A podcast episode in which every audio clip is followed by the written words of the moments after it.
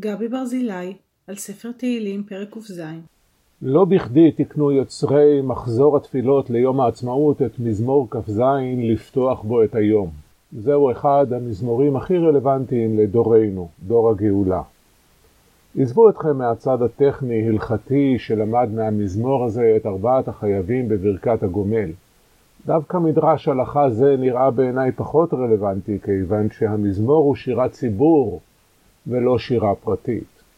עבור הציבור זהו מזמור של עם נגאל, אשר בעת שמחתו זוכר היטב את הרעב והחולי של מחנות הריכוז, את התלישות המייאשת של מחנות העקורים, את השואה ואת נוראותה, את ספינות המעפילים המפלסות דרך בלב ים אל מול איתני טבע וסכנות בני אדם, את מלחמת הקיום וקורבנותיה.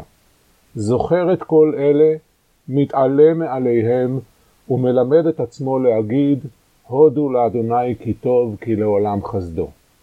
והרי כולנו יודעים כמה אין זה מובן מאליו בזמנים אלו להודות בקיומו של האלוהים ולהודות לו.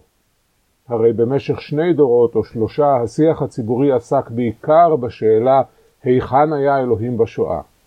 הרי התגובה הטבעית היא התרסה נגד אלוהים או שלילה מוחלטת של קיומו.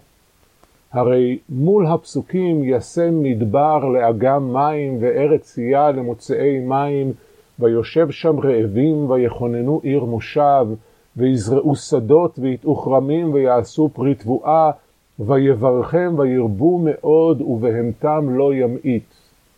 אנחנו מציבים את הקביעה הקטגורית נס לא קרה לנו, פח שמן לא מצאנו, בסלע חצבנו עד דם ויהי אור.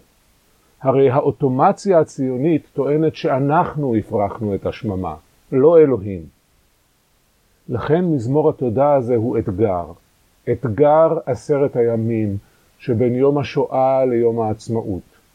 אתגר לראות את ההשגחה האלוהית גם באסון וגם בהצלה. אתגר להודות על היש, בלי לשכוח את החסר.